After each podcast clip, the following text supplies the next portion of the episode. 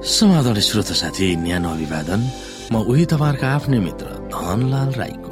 श्रोता साथी आज म तपाईँको बीचमा बाइबल सन्देश लिएर आएको छु। आजको बाइबल सन्देशको शीर्षक रहेको छ अन्तिम न्याय।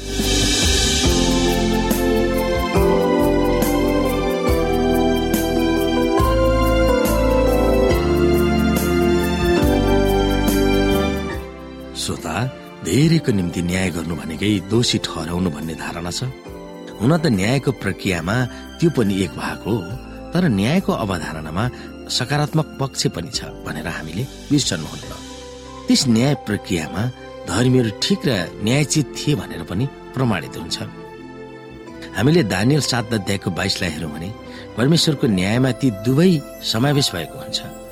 त्यस न्यायको नीति पुरानो करारमा पाइन्छ। यदि कुनै मानिसले आफ्नो छिमेकीको खराबी गरेर शपथ खान लगाइयो भने र त्यो शपथ त्यस मन्दिरभित्र तपाईँका वेदीको सामान्य खायो भने तब तपाईँले स्वर्गबाट सुनेर कार्य गर्नुहोस्। दोषीलाई दोषी ठहराउँदै र त्यसका कामहरूको प्रतिफल त्यसकै शिरमा ल्याउँदै आफ्ना दासहरूका बीचमा न्याय गर्नुहोस्।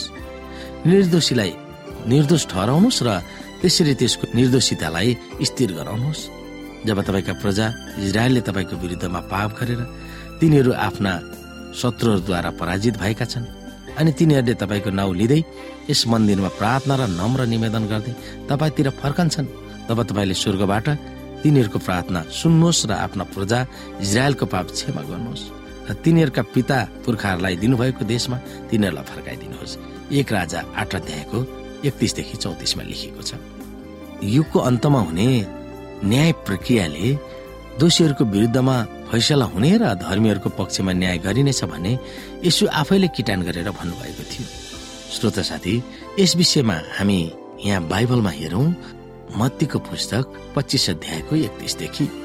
जब मानिसको पुत्र सारा स्वर्गदूतहरूसँग आफ्नो महिमामा आउनेछ तब ऊ आफ्नो महिमा मय सिंहासनमा बस्नेछ र उसको सामुन्ने सबै जातिहरू भेला हुनेछन् र जसरी गोठालोले भेडा र बाख्रालाई छुट्याउँछ त्यसरी नै उसले तिनीहरूलाई एउटालाई अर्काबाट अलग गर्नेछ। उसले भेडाहरूलाई आफ्नो दाहिनेपट्टि र बाख्राहरूलाई देब्रेपट्टि राख्नेछ। तब राजाले आफ्ना दाहिनेपट्टिकालाई भन्नेछ आओ मेरा पिताका धन्यका हो संसारको उत्पत्तिदेखि तिमीहरूका निम्ति तयार गरिएको राज्यलाई अधिकार गर। किनभने म भकाएको थिएँ तिमीहरूले मलाई खान दियो। म तिर्खाएको थिएँ तिमीहरूले मलाई पिउन दियो। म परदेशी थिएँ तिमीहरूले मलाई आश्रय दियो। नाङ्गै थिएँ तिमीहरूले मलाई वस्त्र लगाइदियो। बिरामी थिए तिमीहरू मलाई हेर्न आयो। झ्यालखानामा थिए तिमीहरू म कहाँ आयो? तब धर्मीजनहरूले उनलाई जवाफ दिनेछन् हे प्रभु कहिले हामीले तपाईँलाई भोकाउनु भएको देखौँ र खान दिउँ अथवा तिर्खाउनु भएको देख्यौँ र पिउन दिउँ कहिले हामीले तपाईँलाई परदेशी देखौँ र तपाईँलाई आश्रय दिउँ अथवा नाङ्गो देख्यौँ र वस्त्र लगाइदिउँ र कहिले हामीले तपाईँलाई बिरामी वा झ्यालखानमा देखौँ र तपाईँ कहाँ आयो? तब राजाले तिनीहरूलाई जवाफ दिएर भन्नेछन् साँच्चैमा तिमीहरूलाई भन्दछु। तिमीहरूले यी मेरा भाइहरूमध्ये सबैभन्दा साना एकलाई जे जति गर्यो त्यो तिमीहरूले मलाई नै गर्यो। त्यसपछि उनले देब्रेपट्टिका मानिसहरूलाई भन्नेछन् श्रापित मानिस हो मबाट दूर हो र दियावलस र तिनका दूतहरूका लागि तयार गरिएको अनन्तको आगोमा जाओ। किनभने म भकाएको थिएँ तिमीहरूले मलाई खान दिएनौ। तिर्खाएको पनि थिएँ तिमीहरूले मलाई पिउन दिएनौ। म परदेशी थिएँ तिमीहरूले मलाई आश्रय दिएनौ। नाङ्गो थिएँ र तिमीहरूले मलाई वस्त्र लगाइदिएनौ। बिरामी र झ्यालखानामा थिएँ र तिमीहरू मलाई हेर्न पनि आएनौ। तिनीहरूले पनि यसो भनेर जवाफ दिनेछन् प्रभु कहिले हामीले तपाईँलाई भोकाएको वा त्रिखाएको देख्यौँ र परदेशी वा नाङ्गो देख्यौँ? बिरामी देख्यौँ वा झ्यालखानमा देख्यौँ र तपाईँको सेवा गरेनौँ? तब उनले तिनीहरूलाई जवाफ दिनेछन् साँच्चैमा तिमीहरूलाई भन्दछु। यी सबैभन्दा सानाहरूमध्ये एकजनालाई जे जति तिमीहरूले गरेनौ त्यो तिमीहरूले मेरो निम्ति नै गरेनौ। तब यिनीहरू अनन्त द्वन्द्वको भागी बन्नेछन् तर धर्मीजनहरू अनन्त जीवनमा प्रवेश गर्नेछन्। यसै गरी हामी यहाँ युहुन्नाको पुस्तकलाई पनि हेर्न सक्छौ श्रोता। पाँचको एक्काइसदेखि किनभने जसरी पिताले मृतकहरूलाई उठाउनुहुन्छ र तिनीहरूलाई जीवन दिनुहुन्छ त्यसरी नै पुत्रले पनि जसलाई इच्छा गर्दछ त्यसलाई जीवन दिँदछ। किनकि पिताले कसैको न्याय गर्नुहुन्न तर सबै न्याय गर्ने काम पुत्रलाई दिनुभएको छ ताकि सबैले पुत्रको आदर गरून् जसरी तिनीहरूले पिताको आदर गर्छन्। पुत्रको आदर नगर्नेले उसलाई पठाउनु हुने पिताको पनि आदर गर्दैन। साँच्चैमा तिमीहरूलाई भन्दछु जसले मेरो वचन सुन्छ र मलाई पठाउनु हुने माथि विश्वास गर्छ। त्यससित अनन्त जीवन छ। त्यो न्यायमा आउँदैन तर मृत्युदेखि त्यसले जीवनमा प्रवेश गरेको छ। साँच्चैमा तिमीहरूलाई भन्दछु त्यो समय आइरहेको छ र त्यो समय अहिले हो जब मृतकहरूले परमेश्वरका पुत्रको स्वर सुन्नेछन् र सुन्नेहरू बाँच्नेछन्। किनभने जसरी पिता आफैमा जीवन छ उसरी नै उहाँले पुत्रलाई पनि आफैमा जीवनको स्रोत हुने अधिकार दिनुभएको छ। अनि उसलाई न्यायको फैसला दिने अधिकार दिनुभएको छ। किनभने ऊ मानिसको पुत्र हो। यसमा अचम्म नमान किनभने समय आइरहेको छ जब चिहानमा हुनेहरू सबैले उसको स्वर सुन्नेछ र बाहिर निस्किआउनेछन् सुकर्म गर्नेहरू जीवनको पुनरुत्थानको निम्ति र कुकर्म गर्नेहरू चाहिँ दण्ड आज्ञाको पुनरुत्थानको निम्ति। श्रोत साथी कतिपय मानिसहरूले दोषी ठहरिँदैन र न्याय गरिँदैन। को अर्थ? जो मानिसहरू ख्रिसमा छन् तिनीहरूको न्याय नै गरिने छैन भनेर विश्वास गर्दछन्।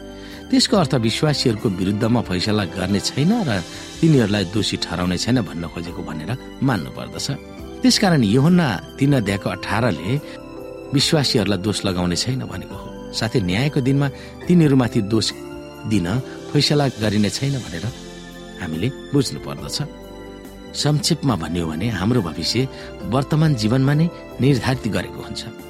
जो मानिसहरू ख्रिस्टमा अहिले छन् न्यायको दिनमा तिनीहरू निर्दोष र धर्मी ठहरिसकेका छन् भनेर हामीलाई आश्वस्त गरिएको छ। तर जो यसुमा छैन तिनीहरू दोषमै रहिरहेको हुन्छ। हामीले मत्ती पच्चिस अध्यायको एकतिसदेखि छ्यालिसको अर्थी कथा बाख्रा वा दुष्ट समूह मात्र होइन भेडा र धर्मी समूहको बारेमा पनि यसुले उल्लेख गर्नुभएको थियो। यस मामिलामा प्रेरित पावलले स्पष्ट रूपमा यसरी व्यक्त गरेका छन् किनकि हामी सबै ख्रिस्टका न्याय आसनको सामान्य खडा हुनुपर्छ। यसरी शरीरमा हुँदा आफूले गरे बमोजिम हरेकले असल वा खराबको प्रतिफल पाउनेछ जब हामी न्यायको बारेमा सोच्दछौ तब हामीले यी सोचिरहनु आवश्यक छ कि हामी अनुग्रहबाट मुक्ति पाउँछौ। विश्वासद्वारा हामी धर्मी वा निर्दोष ठहरिन्छौँ। र हामी मुक्ति पाएका छौँ भनेर हाम्रा कामहरूद्वारा हामीलाई न्याय गरिनेछ वा मूल्याङ्कन गरिनेछ भनेर। न्याय गरिने आधार नै न्याय संहिता वा दश आज्ञाहरू हुन् जुन नैतिक व्यवस्था पनि कहलाइन्छ। हामीले अहिले नै मुक्तिको अनुभव गरिरहेका छौँ भनेर बाहिरी रूपमा प्रमाणित गर्न हाम्रा कामहरूले देखाउँछ। न्यायका दिनमा मानिसहरूको कामलाई औल्याइनेछ यो पनि हामीले याद गर्नु जरुरी छ परमेश्वरले आफू खुसी कसैलाई मुक्ति दिनु र कसैलाई मुक्ति नदिनु भन्ने छैन। मुक्ति पाउने कि नपाउने भन्ने मामिलामा प्रत्येक मानिसको आफ्नै जिम्मेवारी छ। अर्थात् मानिसको भविष्यको निर्धारण आफैले गर्छ।